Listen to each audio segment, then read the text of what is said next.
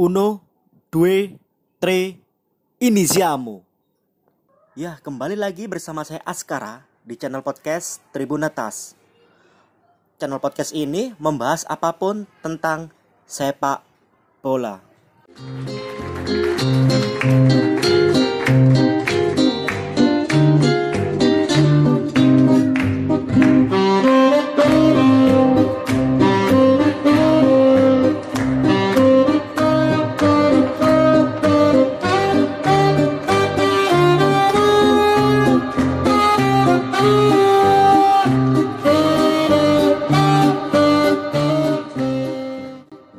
wajar sih jika klub atau bahkan PSSI memotong gaji pemain-pemainnya di saat klub gak ada pemasukan. Ya, bayangin aja deh, kamu jadi owner klub tersebut, bagaimana caramu membayar gaji bawahanmu? Dari mana pemasukanmu? Pendapatan tiket kan gak ada pertandingan. Hak siar, gak ada. Sponsor pada lari juga kan? Merchandise, siapa yang mau beli di saat para calon customernya kena PHK massal? Ya mungkin masih ada yang bisa dijagain sih seperti subsidi dari PSSI Namun nggak bisa menutup lubang finansial klub itu sendiri. Eh, jangan salah loh. Jika liga tidak dilanjutkan maka subsidi dari PSSI juga nggak terbayar loh.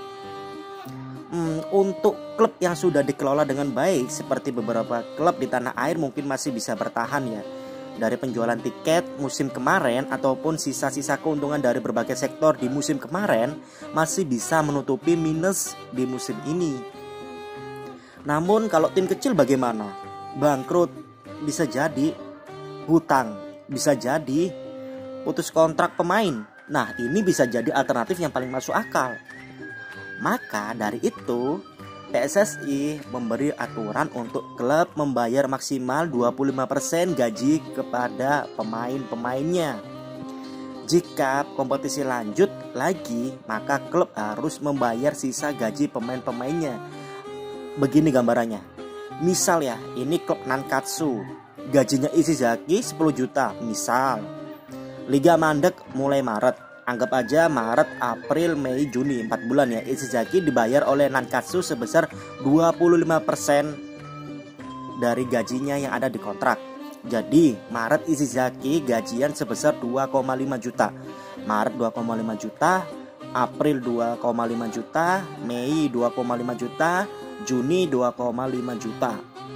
Terus liga diteruskan Oktober, November, Desember, Januari di bulan Oktober Ishizaki bukan dapat full 10 juta.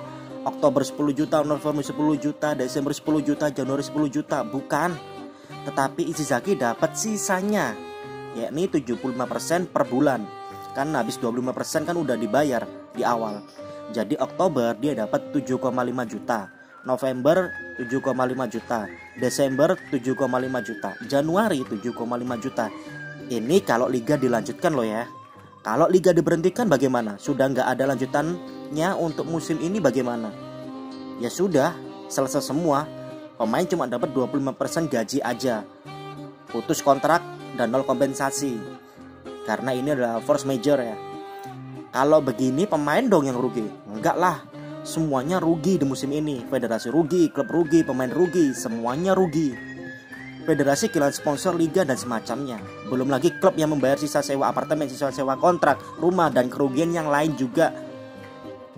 Pemain cuma dapat 25% gaji padahal dia baru saja beli rumah, beli mobil, persiapan nikah atau persiapan punya anak.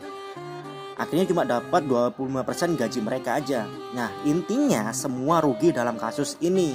Semua rugi dalam pandemik virus ini. Ya, jika efeknya seperti ini, kita berharap pandemik ini cepat selesai dan kompetisi bisa dilanjutkan agar semua bisa bekerja kembali. Meskipun aku memprediksi, memprediksi kalau kompetisi ini tidak akan dijalankan kembali ya.